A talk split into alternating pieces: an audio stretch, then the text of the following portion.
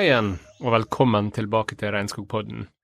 Mitt navn er Andreas Francisco, og du hører nå på del to av Med Jaguarens kraft. Nå har han Anders endelig ankommet Matsesnas landsby, hvor han har flytta inn med Kashishbi. Han kommer fort i takt med Matsesnas livsstil og kultur, som innebærer nye matrytmer, nye ritual og substanser, og en eh, jungelvandring som faktisk endrer alt. God lytting.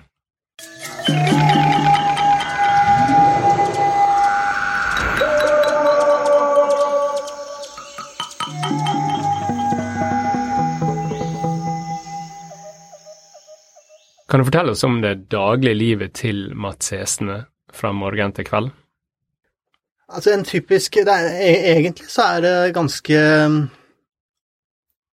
Jeg vil ikke si rutinebasert, men øh, jeg vil si dagene er ganske like der. Og en typisk dag er øh, at øh, man våkner selvfølgelig, og så gjøres bålet klart på kjøkkenet. Eh, og det, altså, bålplassen, det er øh, fire stokker som ligger øh, som, i en firkant, og mellom de fire stokkene så er det bare en masse hardpakket aske. De stokkene er sikkert eh, en meter brede, så det er én kvadratmeter med bålplass, stappet aske, og så det, brenner det bål i midten der. Så de tenner opp uh, bålet, eller, og, og da, da har det ligget og ulmet hele natten, så de, de, de sørger for å få fyr i det før det går ut. Og det henger litt eh, sammen med at uh, Mats er utrolig flinke enda. Jeg, må, jeg tror jeg bare må si en ting før jeg fortsetter. for jeg, jeg skifter litt mellom Matses og Majorona her. Og det er egentlig bare greit å få etablert med en gang. Men Majorona, det er, det er det navnet som omverdenen har gitt dem. Ikke sant? Som uh, ja, antropologer og eh, peruanere har gitt dem, Majorona. Og det, det er ikke noe de kjenner seg igjen i. Hva det betyr? Majorona betyr Det er quechua, og det betyr elvefolket. Og helt pussig hvorfor de har det, fått det navnet. Det, det vet egentlig ingen hvorfor de har det, for sånn som majoronene har levd, i hvert fall de siste hundre årene, altså de siste generasjonene, så har de jo ikke hatt kanoer engang. Og de har holdt seg unna de store elvene. Eh, De har vært sånn som levd i de øvre delene av, delene av eh, sideelvene og holdt inntrengere borte. Og holdt seg langt unna sånne tilgjengelige store elver. Så hvorfor de blir kalt elvefolket, er et mysterium, egentlig. Så Mayo betyr eh, elv på quechua, og, quechua, og Rona betyr folk. Men, men de selv, de kaller seg for Matses. Så det, og det betyr menneske. Og det er det de selv identifiserer seg for, som, da. Eh, Du kan si, men fra og med nå i historien, frem til da, frem til jeg kommer til Kashishbi, så kjenner jeg dem bare som Mayrona. Men så lærer jeg der at de heter jo Matses. Så fra og med da så var det bare Matses for meg, da. Okay. Og det er jo det jeg kaller dem ellers også. Mm. Um, og Matses betyr menneske, og så snakker de Matses. Så de, og det, de snakker rett og slett menneskespråket. Det er sånn fascinerende, og, det, og det er veldig, dette er helt vanlig. Flere, flere andre stammer i Amazonas også kaller seg for menneskene, og de snakker menneskespråket. Mm. Um, ja, så da har jeg bare fått etablert det. Yes, så takk. Nå, nå, er jeg hos, nå er jeg kommet til Matsesene. Um, og hvor var vi? Du skulle forklare for meg en uh, helt vanlig dag. Ja, stemmer det. Og da er det, da er det at de eh, Jo, de eh, gjør opp bålet på, i, på bålplassen inne i hytta. Dette er inne i hyttene. Og da har du våkna i hengekøya di, som Ja. også er inne i hytta. Alle sover der inne. Og, og det jeg skulle si, var at de, um, de våkner med solen, tidlig. Det kan være Jeg tipper sånn i sekstiden, det er helt vanlig å våkne noe senere enn det er veldig uvanlig. Og så Og så gjør de opp boll med glørne fra kvelden før. Og det er de veldig påpasselige med å, å, å rekke. Så de Kvelden før så legger de på en måte glørne på en sånn måte at de holder gjennom natten. Altså isolerer dem. Litt sånn Dekker de til litt sånn med aske og sånn, sånn at de holder seg ikke helt da, sånn at de går ut, men sånn at de holder seg gjennom natten, så de slipper å gjøre opp eh, ild på nytt dagen etter. Og det, og det er jo Og det var veldig tydelig at de passet på hos uh, Kashishbis landsby. Senere, når jeg har vært hos andre urfolksgrupper som har mer kontakt, og andre Matses-grupper også som har mer kontakt, så har de sluttet å være så nøye med det, fordi de har så, de har så mye tilgang på lightere og og fyrstikker og sånn, at det er ikke noe problem lenger. Til og med parafin de kan bare helle på. Også. Men hos Kashishbi så var det fortsatt en veldig viktig greie, at de, de gjør opp bål med glørne fra kvelden før. Selv om de hadde lighter, dem òg? Ja, men var, de hadde så lite av det. Mm. Og, så de måtte være veldig forsiktige med, de, med, det, med bruken av det. Så de sparte på de få lighterne de hadde, og sparte på det mer sånn til en sånn uh, nødsituasjon. Hvis, uh, men de kunne fortsatt uh, lage opp ild på gamlemåten. Og det, det kom jo fra den tiden, den her med å spare på kullet. Når de lavde, måtte lage ild ved å rulle pinne mot tre, mm. så er jo det Og da er det gjerne tre stykker, tre stykker som gjennomfører den uh, operasjonen. Og det er klart det er en litt sånn omstendelig prosess som de prøver å holde nede til et minimum, da måtte de gjøre det. Da er det mye mer effektivt å bare gjøre opp ild Eh, med glørne fra kvelden før. Mm. Og så det er frokost? Ja. Ned, på, ned til elva og vaske seg? Så er det ned, ned til Ja, det, det, gjør de. De går ned til elven. Det, altså, før frokost så er det gjerne sånn at de går ut, ut i skogen rundt, og så bare ser om det er noe uh, å spise. Altså om det er noe dyr som For på morgenen så kan det være en god tid å, å finne dyr å spise på, da.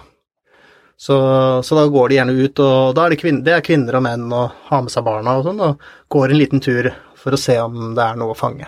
Mm. Finner de noe da? Ja da, det, det, hender aldri noe stort, eller sjelden noe stort. Men det hender de finner som, noen store gnagere eller sånne ting, da. Og så er det bading i elven, vaske seg, spiser de et, et godt måltid. De, og, det, og de er veldig sånn som de spiser og drikker separat. Jeg vet ikke helt hvorfor de har det, men det, det er viktig for dem. De, de, de, spiser, og så drikker de.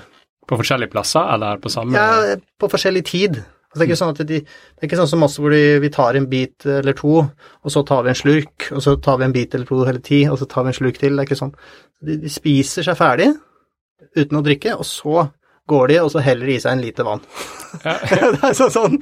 Jeg må innrømme, det er faktisk det jeg også gjør. Jeg har bare alltid hørt at det, Da jeg var barn, så bare hørte det fra farmor at uh, du spiser først, og så drikker du. Ja.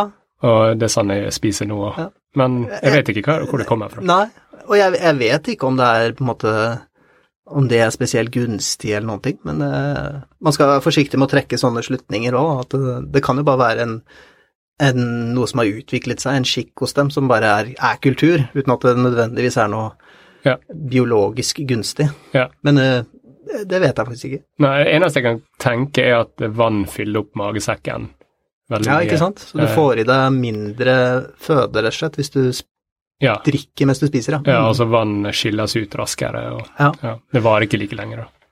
For det er en ting jeg merket meg, og det er det at de spiser sjelden var du sånn, mye sulten den første uka? Ja, altså, jeg, eh, jeg var det. Og jeg, jeg, på denne tiden Nå Nå, nå, nå klarer jeg meg fint med to måltider om dagen. Ja. Uh, og det må jeg si, eh, indianerne kjører en litt sånn der intermittent fasting-livsstil. det er gjerne to måltider. Og så kan de ta noe sånne Du har hørt om sånne intermittent fasting? Ja, ja. ja, ja. Og så kan de ta noen sånne Det kan gå en nøtt eller frukt i, i mellomtiden, altså. Det, det, er ikke det, men, eh, men det er liksom to hovedmåltid. Det er på morgenen, og så er det eh, på ettermiddagen. Ja, for sånn, eh, ja, den intermittent fasting og alle disse andre trendene der, det kommer ja. jo fra et sted. Det er jo veldig mange som har røtter i hvordan mennesker spiste før. Ja, Ja, og det, jeg vet ikke om intermittent fasting kommer fra akkurat det, men, men det var i hvert fall helt tydelig. Mm. Uh, og jeg var eh, På den tiden så var jeg eh, Hadde jeg ikke innstilt meg på noe sånt. Jeg spiste mye og mange ganger om dagen. Ja. så så jeg, jeg syns det var og, og, det som var, var å Altså se, selv om de da gikk på en lang jakttur i flere timer, ikke sant, det kunne være hele dagen, så spiste de ikke noe De spiste ikke noe måltid på den tiden. Så, så ventet de til ettermiddagen, til liksom kveldingen kom, altså til solen begynner å gå ned, ikke sant, kanskje vi er sånn i fire-fem-tiden, da, fem-fem-tiden, med, med å spise neste måltid, på en måte, som er, og da spiser de seg stappmette, da. Mm. Det var snacks og slikt, da. Ja, så de hadde, de hadde nøtter og sånn palmefrukter og sånn, det kunne de ta i ny og ne. Når vi gikk i skogen, f.eks., gikk på rekker, eh, så var det det som reddet meg, da. Men jeg, jeg, jeg ropte jo på disse nøttene hele tida, da. Etter hvert som, ikke sant, du kan tenke deg når du går, når jeg har gått en time, og det er en time eller to siden frokost på den tiden, så var jeg utsultet. Så da, da kunne jeg få en nøtt eller to, ikke sant, som jeg Men så, så vente jeg meg til det, da. Det er, magen venner seg til en annen rytme. Eh, Så det var, det var ikke noe stort problem noe lenge. Si at jeg sleit med det kanskje en tre uker, tre-fire uker. Og så etter uh, morgenen, frokost, hva gjør man på dagen? Ja. Ja, og så er det gjerne det første som skjer da, eh, etter, etter at frokosten er fortært, er at man uh, samler seg i dette huset. Til Kashishby? Ja. Det var stort sett der man samlet seg. Det er ikke hele landsbyen. er- Deler av landsbyen kunne samle seg i et annet hus også. Hvor mange var i landsbyen? Jeg gjorde aldri en opptelling, men jeg vil, jeg vil tippe at de var eh, kanskje 100 stykker. Hmm. Det var en ganske stor landsby etter mine målestokker på den tiden, i hvert fall. Um, ja, ikke noe mer enn 100, men 100 kan de ha vært, altså. Um, og i den samlingen så, så, så diskuterte de da ting som skulle gjøres den nå. Ikke nødvendigvis den dagen, men som var ting som skulle gjøres nå. Eh, Og etter det så gikk de i gang med de i gang med de oppgavene de ble enige om, da. Og, og en ting var at eh,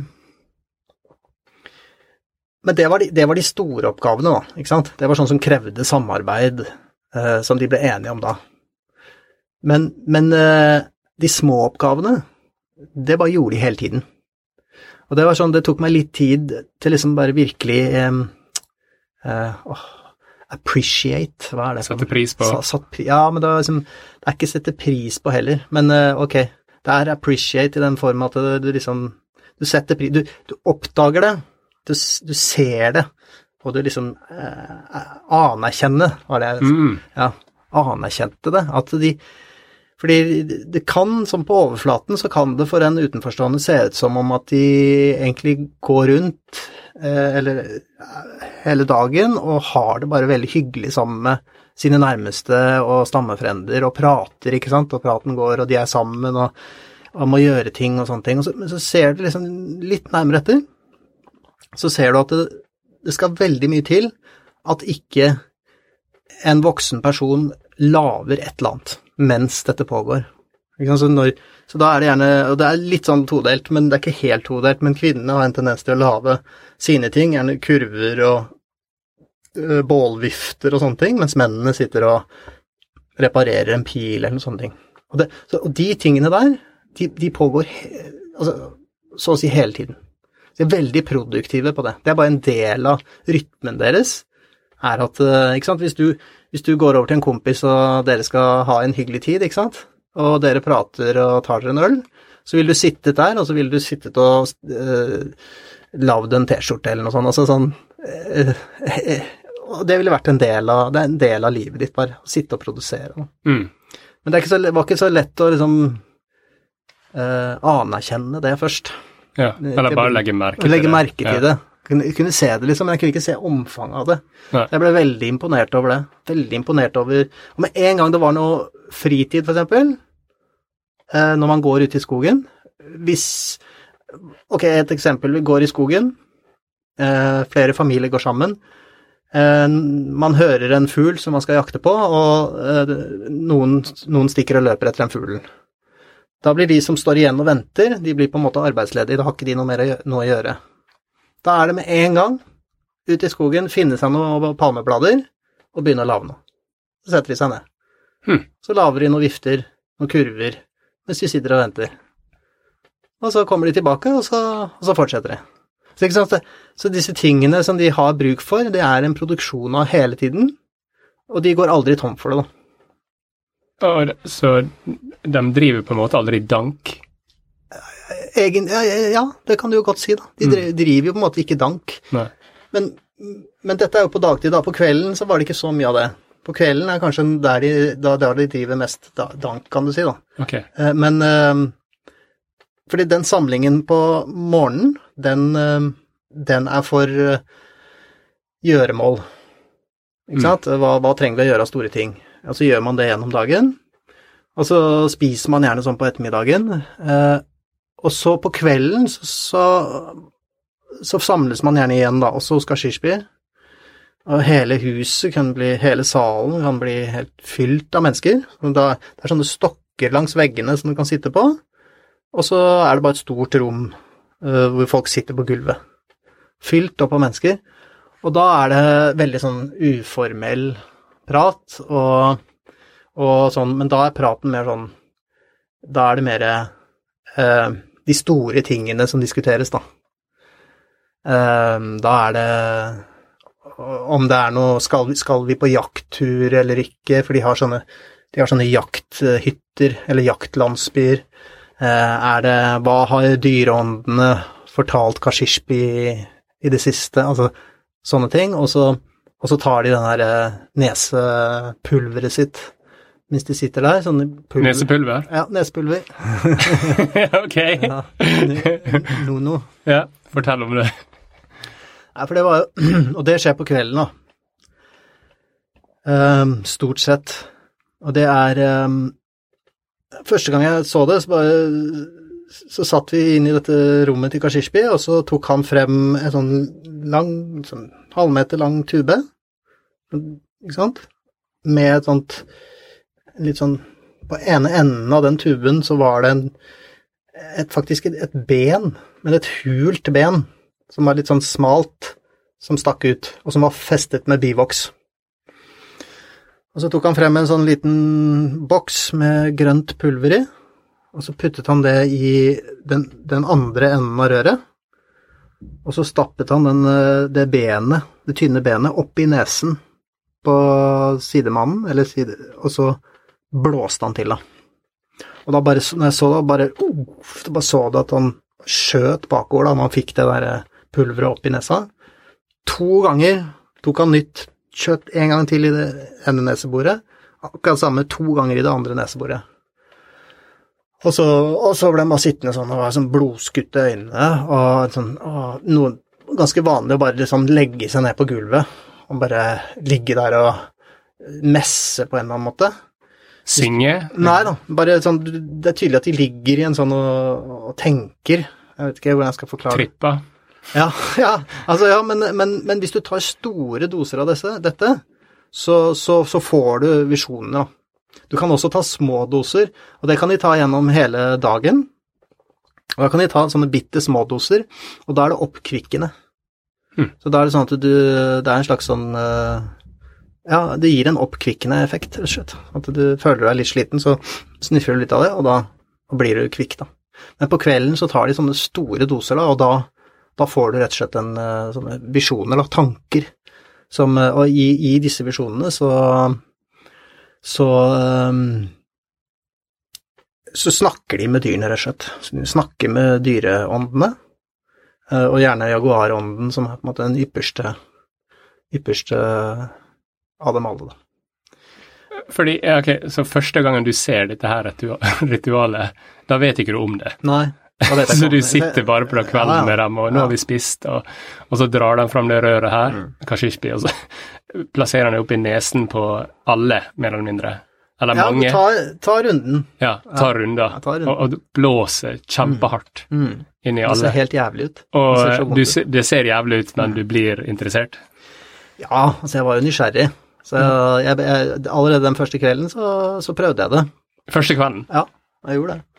For han Kashishbi liksom så på meg og liksom tilbød, og da, da sa jeg ja, da. Moises, da?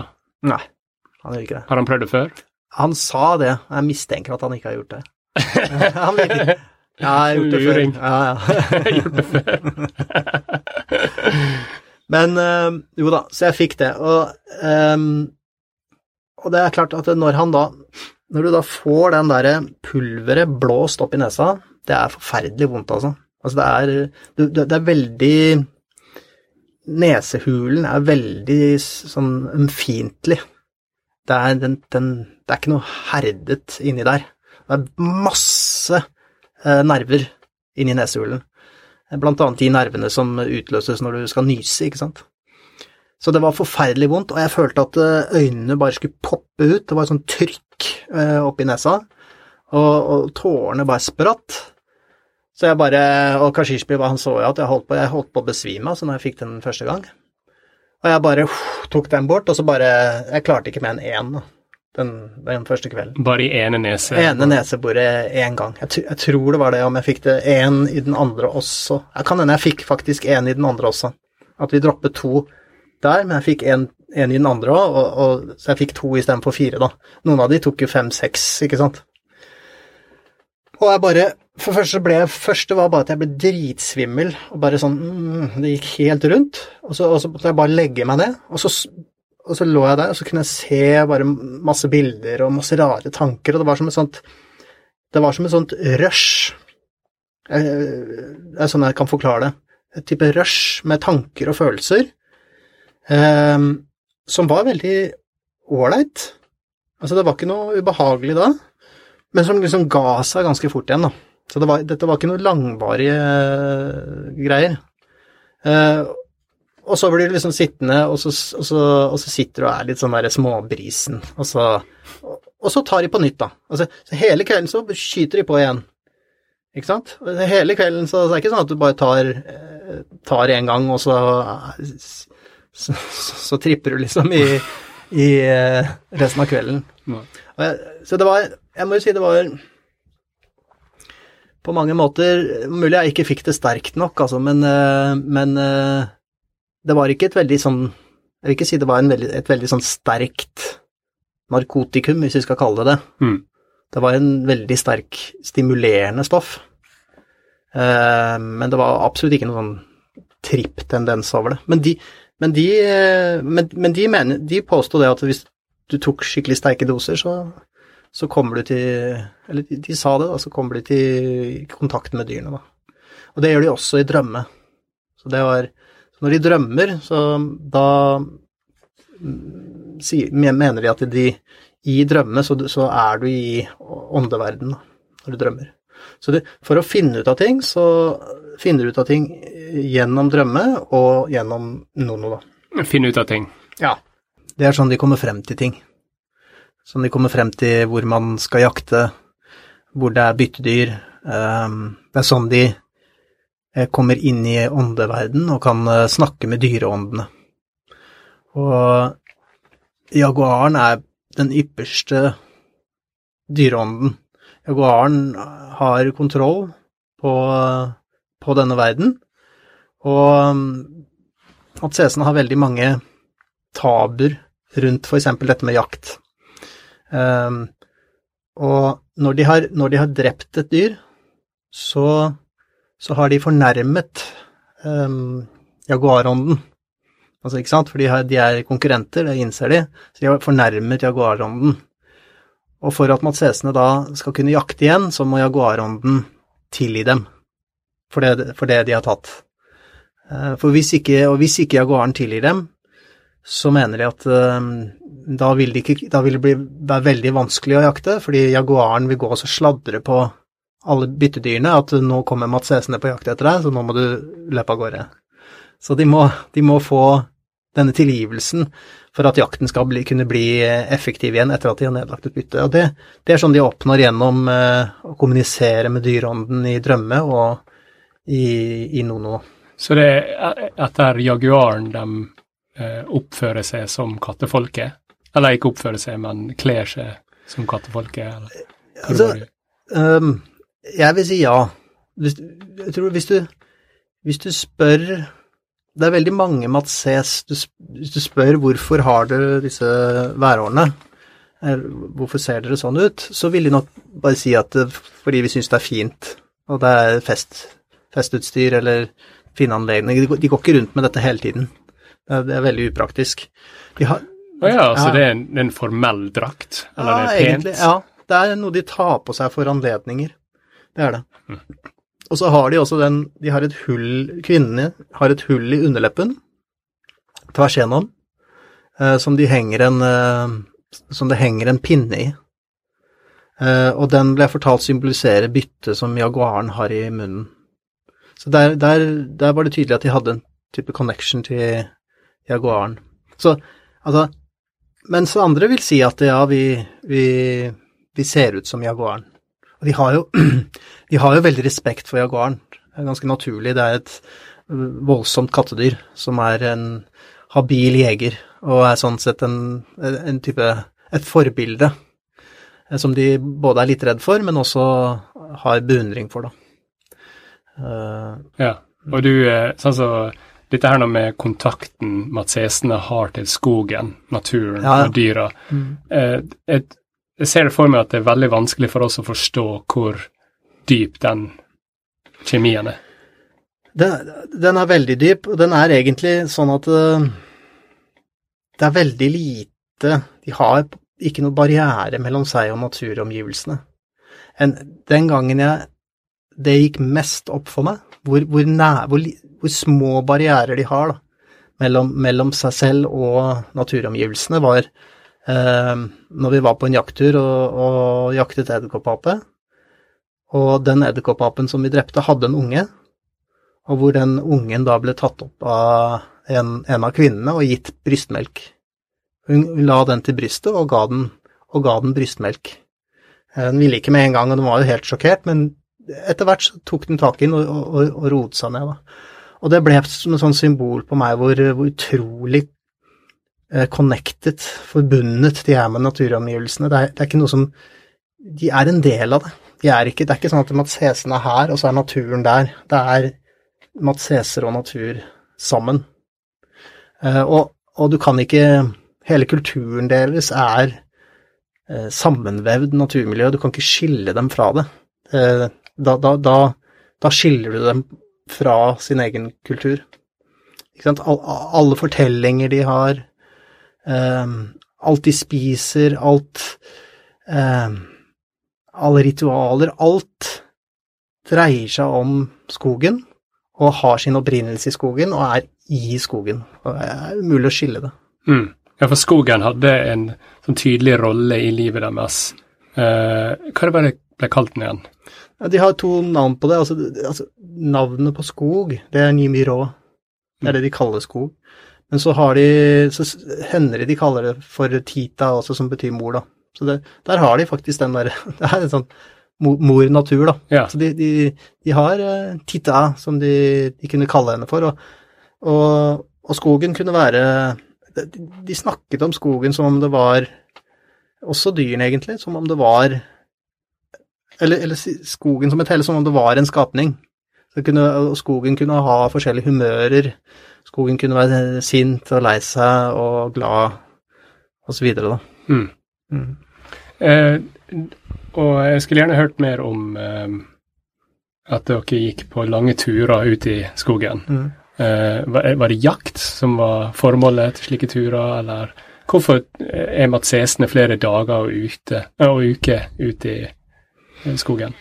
Ja, øh, min Det var jo altså, Jeg var jo hos Kashishbi øh, noen uker før øh, Moises øh, Altså, Moises kunne jo ikke være der så lenge. Nei, selvfølgelig. Så Han, han skulle ikke bo med dem han, permanent. han skulle ikke bo der. Så jeg, jeg tror det var en tre ukers tid han var der. Å ja, ok. Ja. Um, og da hadde jeg fått uh, innpass hos uh, Kashishbi. Jeg, de sa det var greit at jeg bodde der. Men da Eh. spurte du rett ut. Ja, vi sa, jeg sa liksom at jeg, jeg, jeg, jeg sa jeg liker meg ikke i verden utenfor skogen. Jeg liker, jeg har veldig respekt for dette livet. Altså, jeg tok liksom hele den der og hadde lyst til å etablere meg her. Ja, det, Og, og jeg ga de liksom noen plastperler og sånn eh, mens jeg sa sa det. Så, altså, en sånn kombinasjon av, av bestikkelse og, og, og, og, legge det frem da, veldig sånn eh, eh, lidenskapelig. Og, så jeg tror nok de trodde på det. Um, og det, det, også gikk de og forhørte seg litt uh, rundt uh, i landsbyen. Tok det opp på et sånt uh, rådsmøte på kvelden. Og det var ikke noe problem. Det syntes de var helt Egentlig helt topp at jeg skulle bo der. Det var ikke en som reiste seg opp og sa nei? Nei, det var ingen. Ingen som gjorde det. Så det var jo veldig bra. Og da Så det var etablert, og Moises måtte hjem. Han hadde sin tidsplan. Så det var, det var en spesiell opplevelse når Moises da tok den båten tilbake. Da hadde han faktisk med seg noen fra landsbyen som skulle ned, ned elven og ville besøke noen slektninger lenger ned elven. Men så ble jeg stående igjen der alene, da, eh, når han dro. Og da, frem til da, så hadde jeg jo måtte kunne lene meg på han veldig mye. Da hadde jeg følt en trygghet i det, da. Mens eh, da var jeg var jeg jo der uten han, og måtte bare stole på meg selv og Kashishbis folk.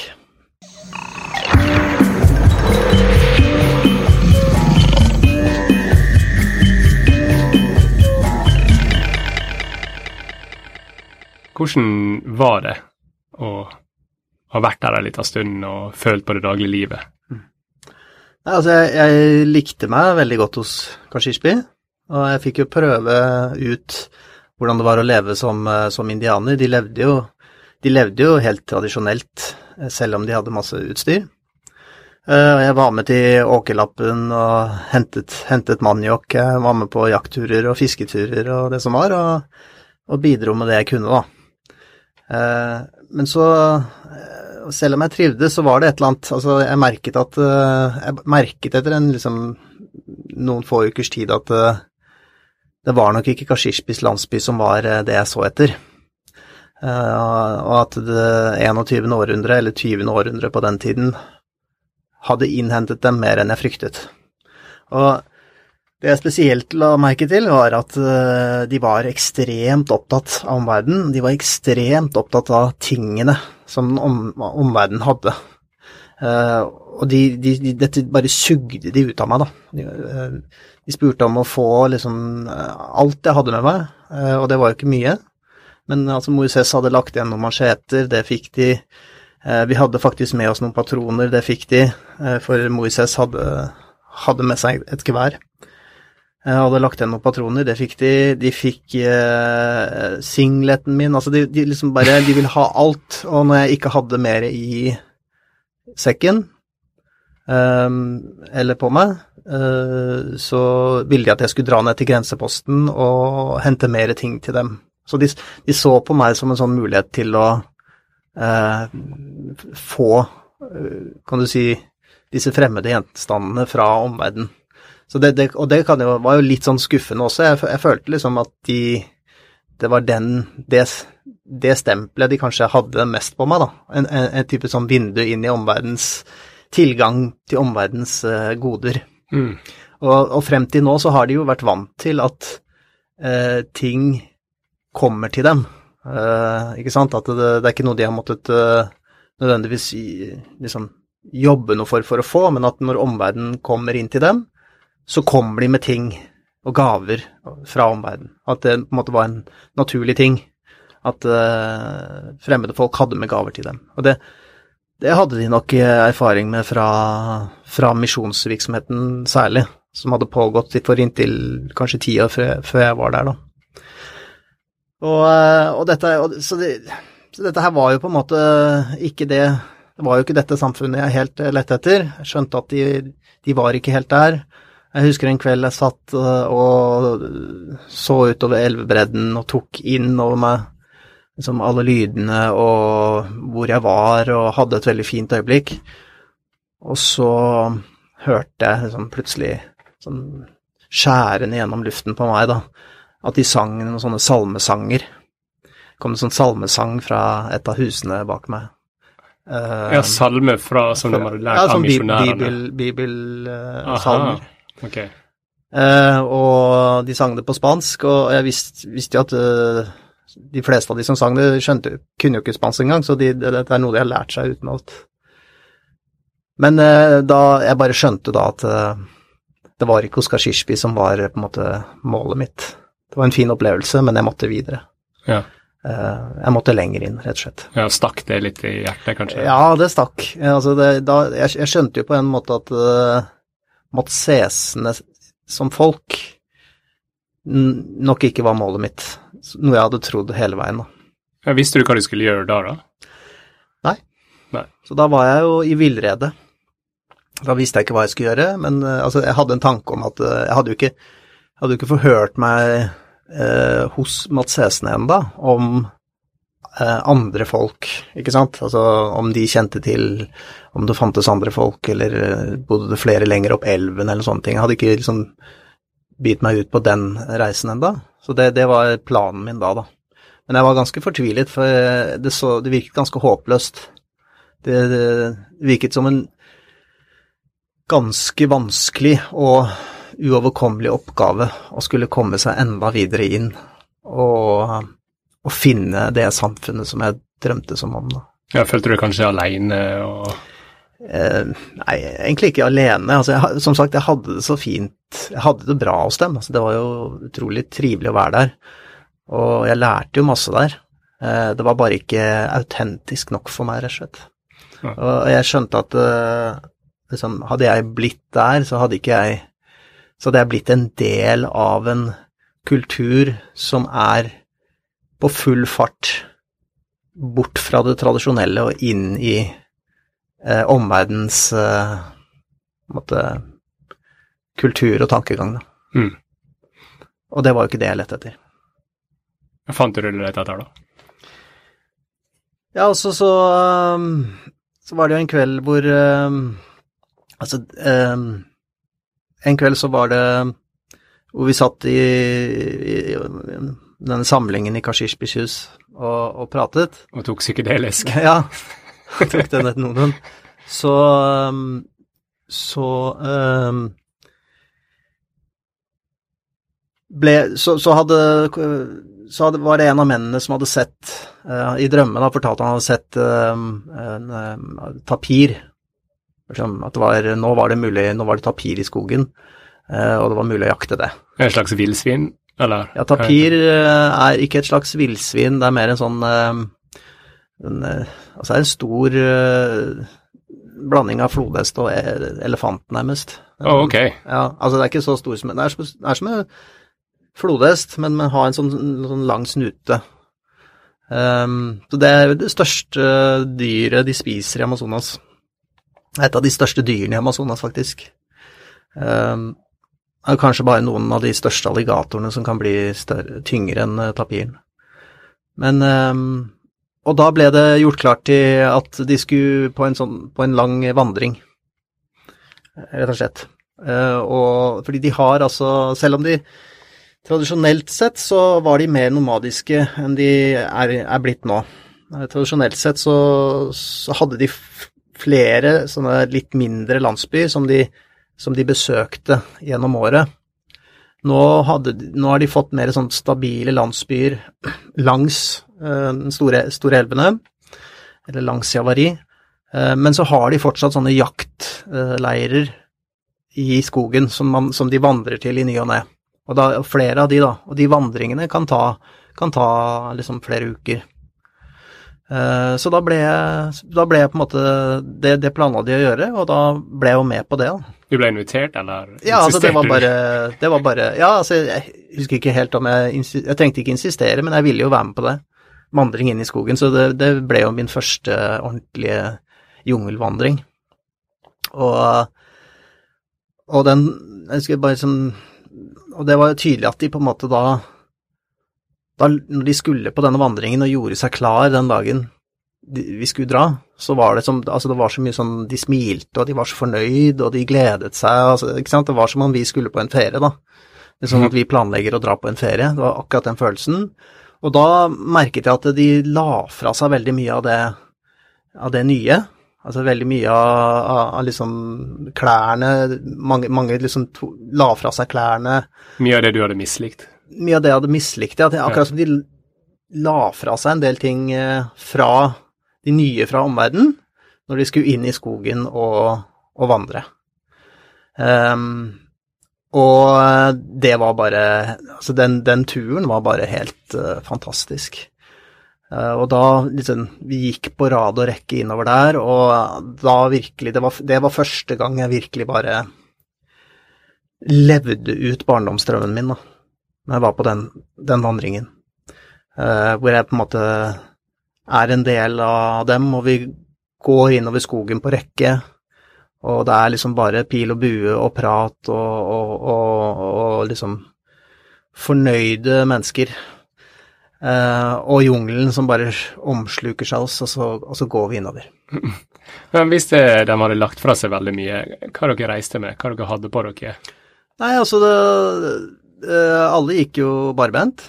Så det var tydelig at det, det å gå i skogen de der, det var en, altså, de der svære gummistøvlene som uh, en del hadde, som det er tydelig at de har blitt, mm. uh, blitt forsynt med, det la de Nesten alle la fra seg det når de skulle gå inn i skogen. Så det var ikke noe de syntes var noe praktisk å gå i skogen med, da. Så, og jeg hadde jo, jeg hadde jo på meg sandaler. Um, men jeg tenkte da at nå var det på tide å liksom ta, et, eh, ta det steget ut, så jeg gikk barbeint jeg òg, da. Og det fungerte i ca. en time, og så tråkket jeg på en torne. Og det var Og da bare Og så ser jeg, ikke sant Du kan si at det er ikke så veldig mye tornebusker i, i regnskogen, men du har noen palmer i ny og ne som har uh, torner. Og, og, de er såpass ofte at du, når du går en hel dag gjennom uh, regnskogen, så er sannsynligheten for at du tråkker på en nedfallen torne fra disse palmene, den er ganske stor, at det vil skje. Fordi det, er, det å gå på gå barbent i regnskogen er kjempebehagelig. Det er et sånt mykt løvteppe, egentlig, du går på. Så det er ikke noe vondt å gå barbeint selv om du ikke har herdet hud. Mm. Men så har du jo disse tornene som ligger innimellom dette løvverket i ny og ne, som er falt ned fra da, denne palmen, som du da tråkker på. Og den går rett inn i foten. Og de er sylskarpe og skikkelig sterke. Uh, og, jeg, ikke sant? og den, så dro jeg ut den, og så prøvde jeg en gang til, og så tok det ikke lang tid før jeg tråkka på en ny en, og da bare skjønte jeg at uh, dette her funker ikke. Altså, jeg, jeg, kan ikke, jeg, kan ikke, fortsette sånn. Uh, det vil ta for lang tid å, å opparbeide seg den type hud som matsesene har, da. Fordi, ja, for den var bare herda? Ja, fordi altså, så, jeg syns jo dette var utrolig pussig hvordan de ikke ikke lot seg bemerke av disse tornene, som jeg åpenbart gjorde.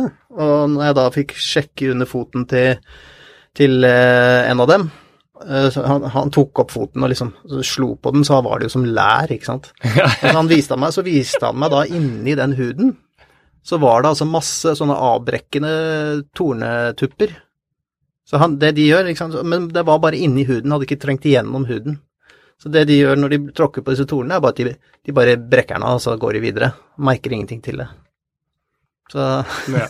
Men det, altså det hadde på en måte ikke jeg Jeg hadde ikke tid til å, å, å, gå gjennom det da. Da måtte jeg, jeg skjønte at jeg måtte bare ta på meg disse sandalene igjen, så jeg kunne nyte denne turen til det mm. fulle, da. Ja. Pluss at du kanskje er litt i veien hvis du går og halter hele tida. Og... Ja ja, jeg ville jo da selvfølgelig, ja. Jeg kunne jo, jeg kunne jo blitt sånn midlertidig invalid, ikke sant, og så Infeksjoner og det som er. Ja. Og da er det liksom sånn, går vi innover, og som sagt, det er en god stemning, og så er det sånn, plutselig så er det noen som hører noe, ikke sant. Og så, og så stopper alle. Og så løper noen av mennene, det er gjerne mennene, selv om kvinnene var veldig ofte med, de også, men det var, når det var den derre stoppingen når vi var på tur på rekke, og stoppet fordi man hører noe, så var det gjerne et par menn som løp etter den lyden. Da er det da et byttedyr de har hørt, ikke sant. Ja, for hvor mange som var med først? Liksom... Ja, altså det var uh, Hvor mange var vi, da? Ja? Kanskje tre-fire familier som gjennomførte denne Ok, så uh, kvinner, menn, ja, ja, barn ja. Og det var ikke hele landsbyen som dro. Nei. Nei. Det, det var uh, en tre-fire familier. Ok. Men det var alt fra Kashishbi var sikkert den eldste, og så var det også en ganske liten unge som uh, ble båret på ryggen til moren sin. Mm. Uh, og alle gikk barbeint. Utenom du. Utenom meg. um, men i hvert fall, ikke sant, så hører de en lyd, et byttedyr, kanskje osnitt, som er en sånn stor fugl, stor sort fugl med rødt nebb, som de elsket å jakte på. Uh, den har en sånn melankolsk, uh, litt sånn trist blystrelyd. Og hører, når de hører den, så er det full stopp, og så, og så løper de etter den, da.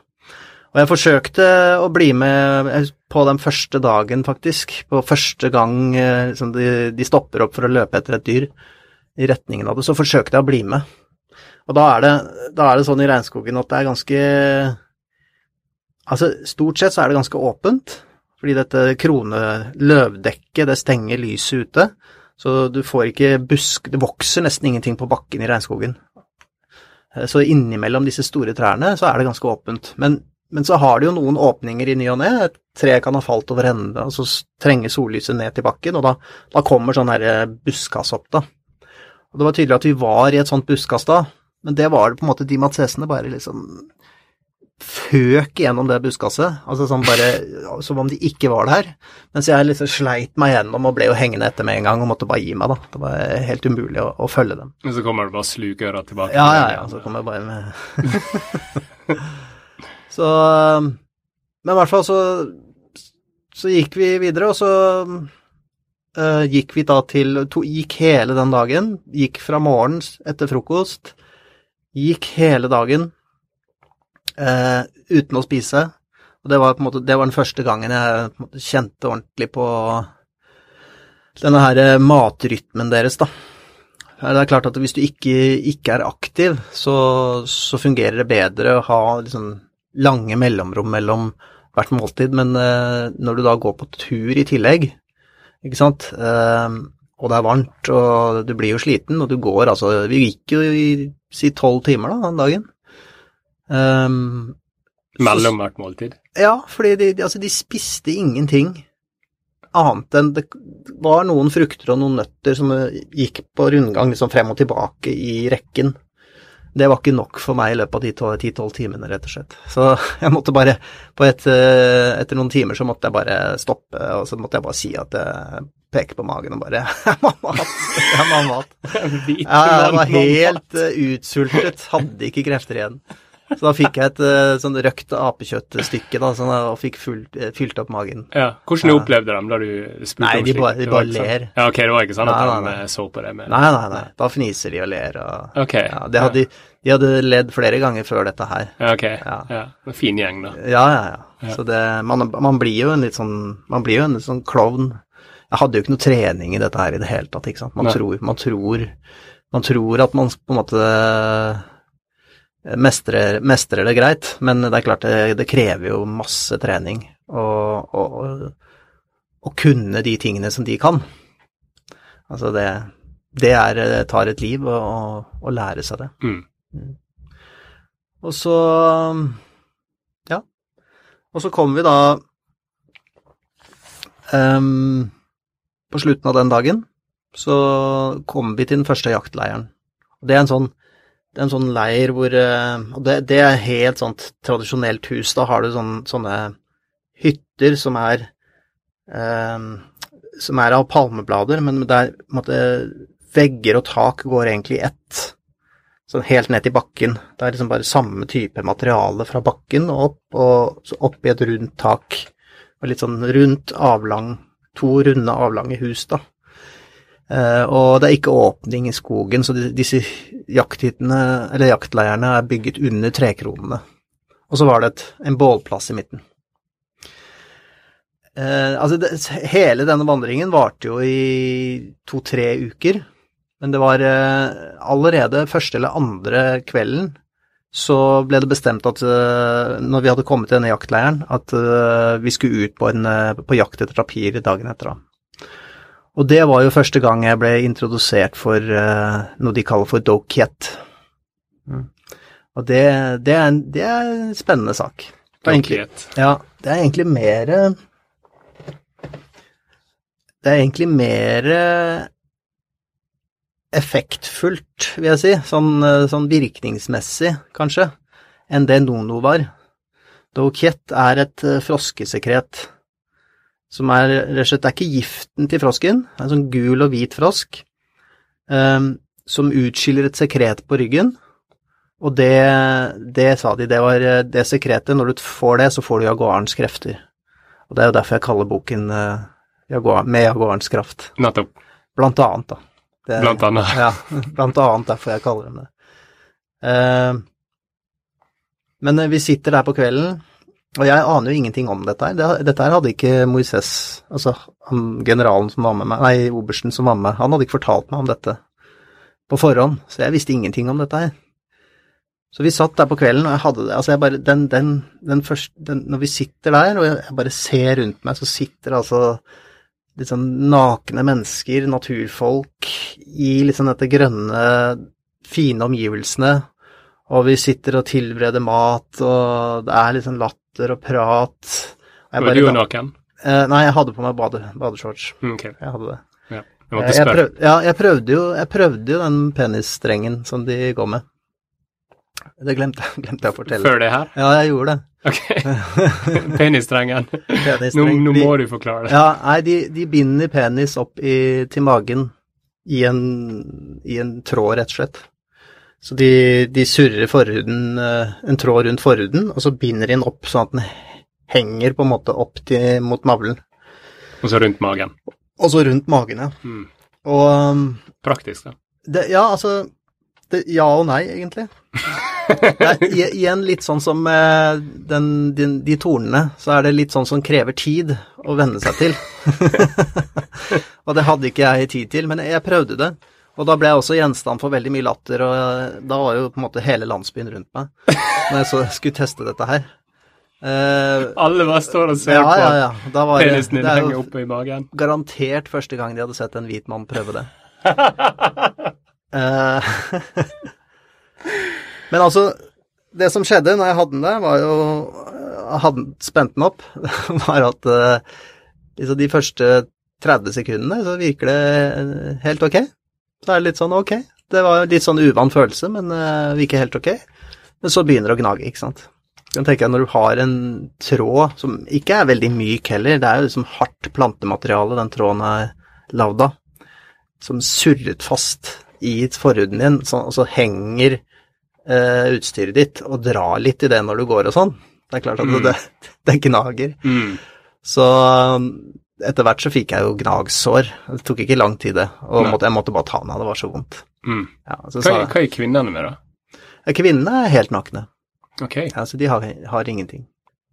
Men ok, så jeg sitter der og um, har bare uh, mitt livs opplevelse og mitt livs øyeblikk, og jeg er sånn komplett lykkelig når jeg sitter der sammen med dem ute i skogen. Eh, og tenker at For det første så tenker jeg at eh, kanskje Kashishbi er er mitt folk allikevel. Kanskje dette er målet mitt, for det er akkurat sånn som dette her. Det er dette jeg har drømt om. Um, så liksom uh, På kvelden så, så setter de seg en ring. Så er det tydelig at de liksom uh, forbereder seg på noe. Og det er bare mennene som forbereder seg på dette. Ehm, og så spør jeg han uh, Spør jeg liksom Kashishbi uh, hva, hva er det som skjer, da? Altså, hva, hvorfor, hvorfor er det Hva er det dere driver med? Og så sier han altså Nei, nå skal vi få jaguarens krefter, sier han. Vi skal ut på jakt i morgen, og alle som skal ut på jakt i morgen, skal, skal få jaguarens krefter. Forstår du språket nå, eller? Nei, jeg snakker via eh, en, han svogeren hans som som kan spansk. Ja, nettopp. Ja. Fortsett. Um, og så Ok, og så, så kommer eh, en som heter Chupidush, heter han. Litt sånn Chupidush, det er faktisk eh, navnet på et tre. Eh, han kommer da med et eh, eh, Han kommer da med en frosk, tar den frem, en gul frosk, som er gul og hvit frosk. Så binder han den opp eh, over bålet. Ikke i flammene, men eh, holder den Binder den fast, faktisk, over røyken i bålet. Og når, når den frosken er i den røyken, så begynner han å svette på ryggen, og da skraper han av det som er på ryggen. Skraper han av det, og så tar han det på en trepinne, og så blander han det med spytt på trepinnen. Og så tok han uh, den frosken, og så, og så slapp han fri igjen. Da. Så de, de trengte ikke drepe den for å gjøre dette. her. Den frosken hadde han funnet uh, dagen før, da. Og så går han til en av mennene som sitter der. Så tar han en pinne i bålet, en sånn liten pinne, får et glør på enden av den, og svir av to uh, svimerker i overarmen hans. Og så sånn at det ordentlig brenner av huden, og så piller han av den huden sånn at du kommer inn til kjøttet. Og så tar han denne, dette sekretet som har stivnet litt, tar han to biter av det og legger i hvert av de sårene. Og så setter denne mannen seg tilbake med ryggen mot oss, litt sånn for seg selv, eh, et par meter unna. Så det, og så går han videre til neste. Og mens han da går til neste, han har kanskje liksom Han har kanskje kommet til tredjemann, da så bare hører jeg han, eh, han første som har satt seg bak, eh, begynne å brekke seg. Og, han ordentlig sånn derre litt sånn der ropespying begynner han med, da. Som er helt jævlig å høre på. Og jeg bare wow, dette hørtes ikke bra ut. Dette hørtes virkelig kjipt ut. Og han Og det bare Og han, ikke sant, han spyr, og han, han Altså, hva skal jeg si, han han har et sånn type rop, du vet, sånn spyrop, ikke sant? Når du ja, og det, ja, ja, sånn Spyrop. spyrop. Med jaguarens spyrop. Ja, og det pågår altså Altså, det pågår egentlig helt til han kommer til meg. For jeg sa jo at jeg ville være med på dette her. Jeg ville være med på jakttur dagen etter. Og jeg får jo da Jeg, jeg gir meg jo ikke med det, så jeg ok, jeg skal ha dette her. Så han gjør akkurat det samme på meg, og eh, den derre svingen og dette her, det var jo piece of cake, det var ikke noe ille det. Ok, det var litt sånn stikking, og så får jeg den innpå der, og så setter jeg meg bak i skogen. Og så skjer det jo det samme med meg, da. Og det er sånn at det, det første som skjer, er at eh, eh, kanskje etter en 10-15 minutter, så bare får det en sånn voldsom varme, eh, som bare som, Særlig i hodet, var det jeg husker. Hodet blir sånn dritvarmt. Og så kommer det en ganske kraftig hodepine, og så begynner det å brekke deg, og så begynner det å spy, da. Og den er sånn helt sånn ukontrollerbar, den eh, spy, spyingen. Det er bare Og du, du spyr og du spyr til, Altså, magen er tømt, og likevel så spyr du. Og så er det tydelig at Ikke sant. Eh, og det, det, sannsynligvis så får du Altså, disse stoffene er sannsynligvis ganske sterke. Eh, og kroppen får det på en ganske sånn intravenøst måte. Dette er min dette er min tolkning av dette her, da. Ved å liksom dytte det inn i blod, blodstrømningen direkte, på en måte, gjennom sår.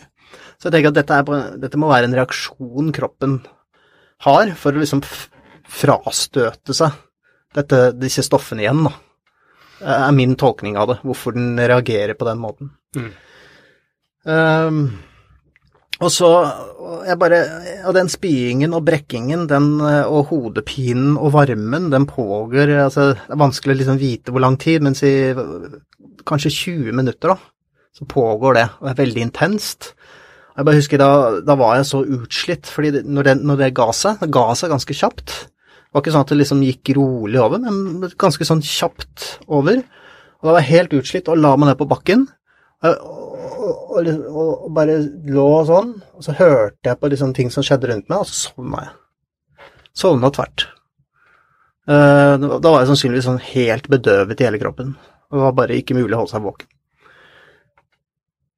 Og da våkner jeg dagen etter i en hengekøye. Det er det neste jeg opplever, så jeg våkner. Og så, og så føler jeg meg liksom utrolig Sånn som jeg våkner, og så føler jeg skal jeg si det, jeg føler meg litt sånn født på ny, hvis jeg kan si det sånn. Uh, føler at uh, Jeg føler meg bra, rett og slett. Jeg føler meg uthvilt. Jeg føler at uh, jeg, er klar for, jeg er klar for jakt, men jeg liksom følte ikke på den Det var liksom ikke noe sånn Altså, jaguarens krefter var kanskje litt sånn overdrevet der og da, men, men jeg følte absolutt meg opplagt og syns kanskje sansene var litt skarpere og, Mm. og sånne ting. Og det var sånn helt sånn Jeg vet ikke hvorvidt jeg innbilte meg det da eller ikke, men det, det følte jeg åpenbart. At jeg følte meg skarpere og Og så var det en ny runde, da, med Doket. Ok. Ja da, ny runde før vi skulle legge ut på, på jakt. Eh, og da spiste vi jo ikke den morgenen, det var ikke noe vits i å spise, for vi skulle jo, vi skulle allikevel eh, spy ut det med en gang.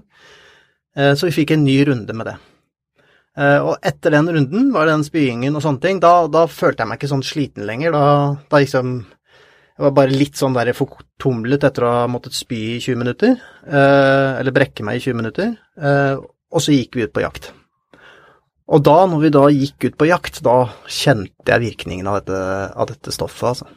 Og da var det sånn at jeg kunne følge et, og vi, og vi småjogget hele tiden. Nakne? Mm, ja, ja. Eh, småjogget. Og, og, og, og, litt, og hele den dagen vi fulgte etter ta, en tapir, vi fant et tapirspor, eh, fulgte bestemt det, og jeg kunne følge med dem. Og jeg, liksom, jeg hadde altså Jeg kjente ikke på avmakt. Mm. Og jeg var med på jakttur hele den dagen, og vi nedla det byttet. Og eh, for meg er det helt åpenbart at eh, det hadde jeg ikke klart hvis ikke jeg hadde, hadde ikke klart den fysiske prestasjonen jeg gjorde den dagen hvis ikke jeg hadde tatt uh, Doketa. Og det gjelder for dem også, tror du? Så ja, Ja. altså Mest sannsynlig. Ja. Det er jo det er denne her bedøvelseseffekten som eh, Det er noe den, disse stoffene bedøver i kroppen som gjør at du, du øker smerteterskelen og får eh, forlenget prestasjonen, rett og slett. Hvordan var når dere oppdaga en tapir? Si, hadde dere, var det en sånn tydelig strategi? Sånn flank, noen flanker opp tapiren, og så løper vi rett på den? Nei, egentlig så var det. Ja, det var bare å følge, følge dyret, egentlig. Eh, Og følge sporene. Og, Mm.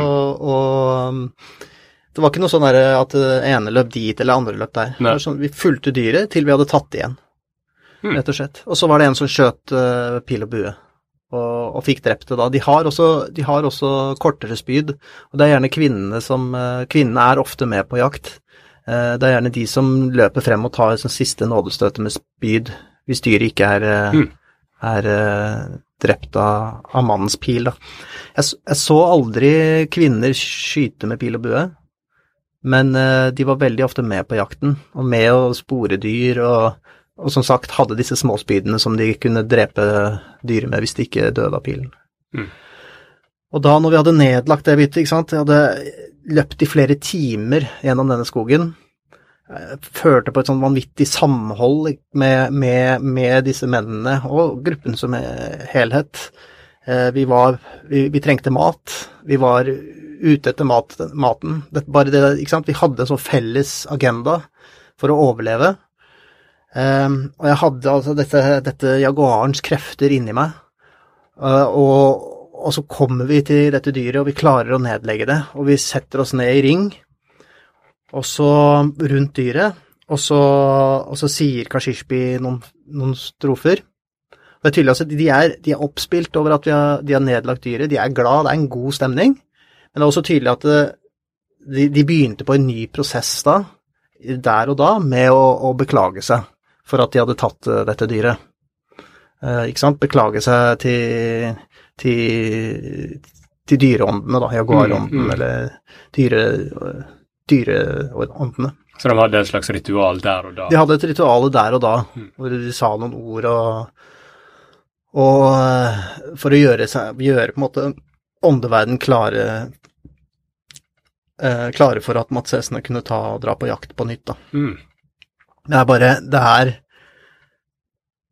eh, Jeg fikk Jeg fikk eh, opplevd på denne turen og de, de opplevelsene Det var Altså, jeg fikk opplevd min barndomsdrøm til det fulle. Altså, det, før jeg dro på den turen, så hadde, var, var jeg jo misfornøyd, ikke sant. Altså, da var jeg skuffet og, og, og tenkte egentlig at jeg måtte være et annet sted. Men så kom jeg på denne turen og virkelig får oppleve jungellivet på det mest tradisjonelle vis sammen med Amazonas' urfolk, da. Mm. Og, og det bare leverte. Det leverte så til de grader. Mm. Basert på den korte erfaringen jeg hadde, hadde da. Men det er noe med hele Det er vanskelig å sette ord på, men det er noe med den det vanvittige den vanvittige, det vanvittige samholdet til denne gruppen De har Alle har De er der ute for et felles mål. Kan tenke deg hvor mange er vi? 20-25 stykker. Så er vi på denne turen for et felles mål. Vi skal skaffe mat. Og så har alle sine slags Vet mer eller mindre hvilke roller de har, selv om ikke de er helt 100% Og så, og så Og så bare går vi sammen mot dette målet. Og vi gjør det sammen med skogen rundt. Ikke, vi setter ikke noe skille mellom oss og naturomgivelsene, vi bare er helt i ett med det. Og så har vi et felles mål. Og det er bare så fint. Mm. For dere skulle jo tilbake til eh, landsbyen, og da kler de på seg klærne igjen. Ja, det er et helt annet liv. Ja, og da kom skuffelsen tilbake, da kanskje, fordi nå hadde du opplevd det, det her nå absolutt regne. Ja, altså, var, denne, denne, turen tok jo kanskje en tre ukers tid. For vi gikk jo videre eh, etter dette her. Så det var jo, det var jo det var ikke, Altså, det er egentlig ikke bare for å skaffe seg mat at de gjør denne turen. Altså, de hadde overlevd i landsbyen, så det var delvis for å skaffe seg mat de savnet litt. Fordi det er vanskelig å få tak i tapir og villsvin og sånne ting eh, innen liksom et par timers gange fra hovedlandsbyen. Da må de på litt lengre turer. Så bare for å skaffe seg litt sånn andre type dyreproteiner som de verdsatte veldig høyt. da. Og tapir verdsatte de høyest, det var det tydelig. Men på samme tid så var det også noe de gjorde fordi de likte det. De var på ferie, nærmest. Altså, de, mm. de var på de, de, elsket det, og de, og de, mestret det så voldsomt. Eh, det var Følte på mange måter at det var det livet de var De har vokst opp med og født inn i og lært seg. Mens det livet i landsbyen, der var de mer sånn eh, Litt mer Hva skal jeg si, ikke vaklende, men litt mer der måtte de håndtere flere ting som de ikke, som de ikke hadde helt kontroll på. Da, ikke sant? Det er tydelig at de hadde Der var omverdenen så tett på, mm. og det var eh, noe som opptok dem mye. Så når de hadde denne vandringen inn i skogen, så, så var det ikke snakk om omverdenen og tingene og, og, de truslene og sånne ting som den omverdenen representerte.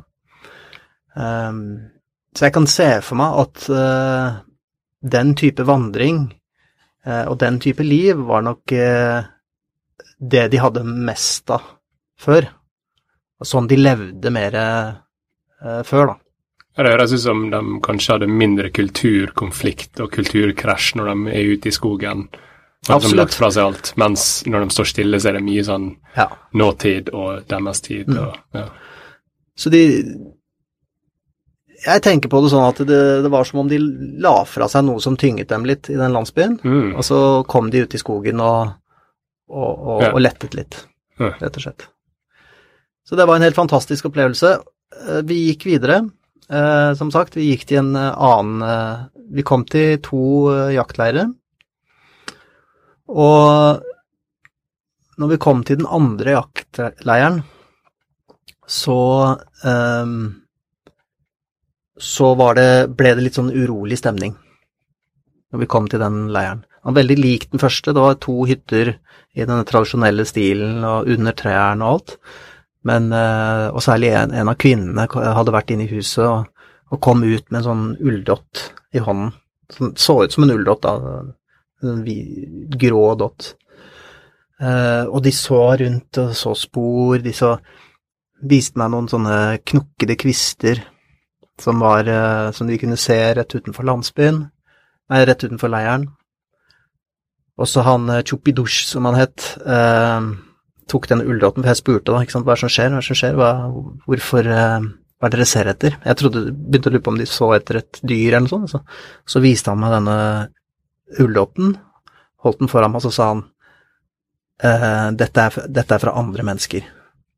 Vi måtte ses bruker ikke dette.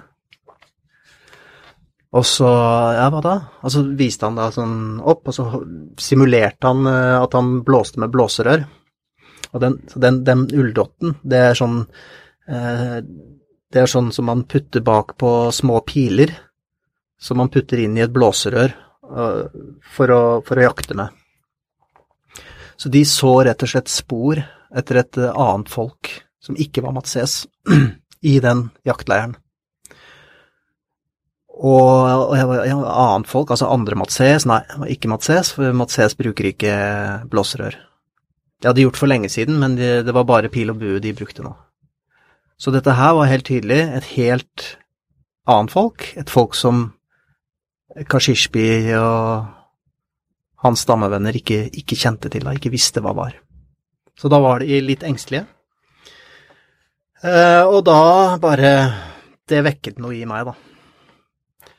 Da Da var det mest sannsynlig Hadde vi spor her, altså, mest sannsynlig etter et helt uh, ukjent folk. Mest sannsynlig. Når du er så langt ute i Avaridalen, og det ikke er Matses, uh, og det har gått et folk forbi her, uh, da er det mest sannsynlig et folk som omverdenen ikke vet eksisterer, rett og slett. Og da var det noe som ble vekket i meg. Da Fra da så tenkte jeg at det folket skal jeg finne. Og det folket skal jeg bo hos.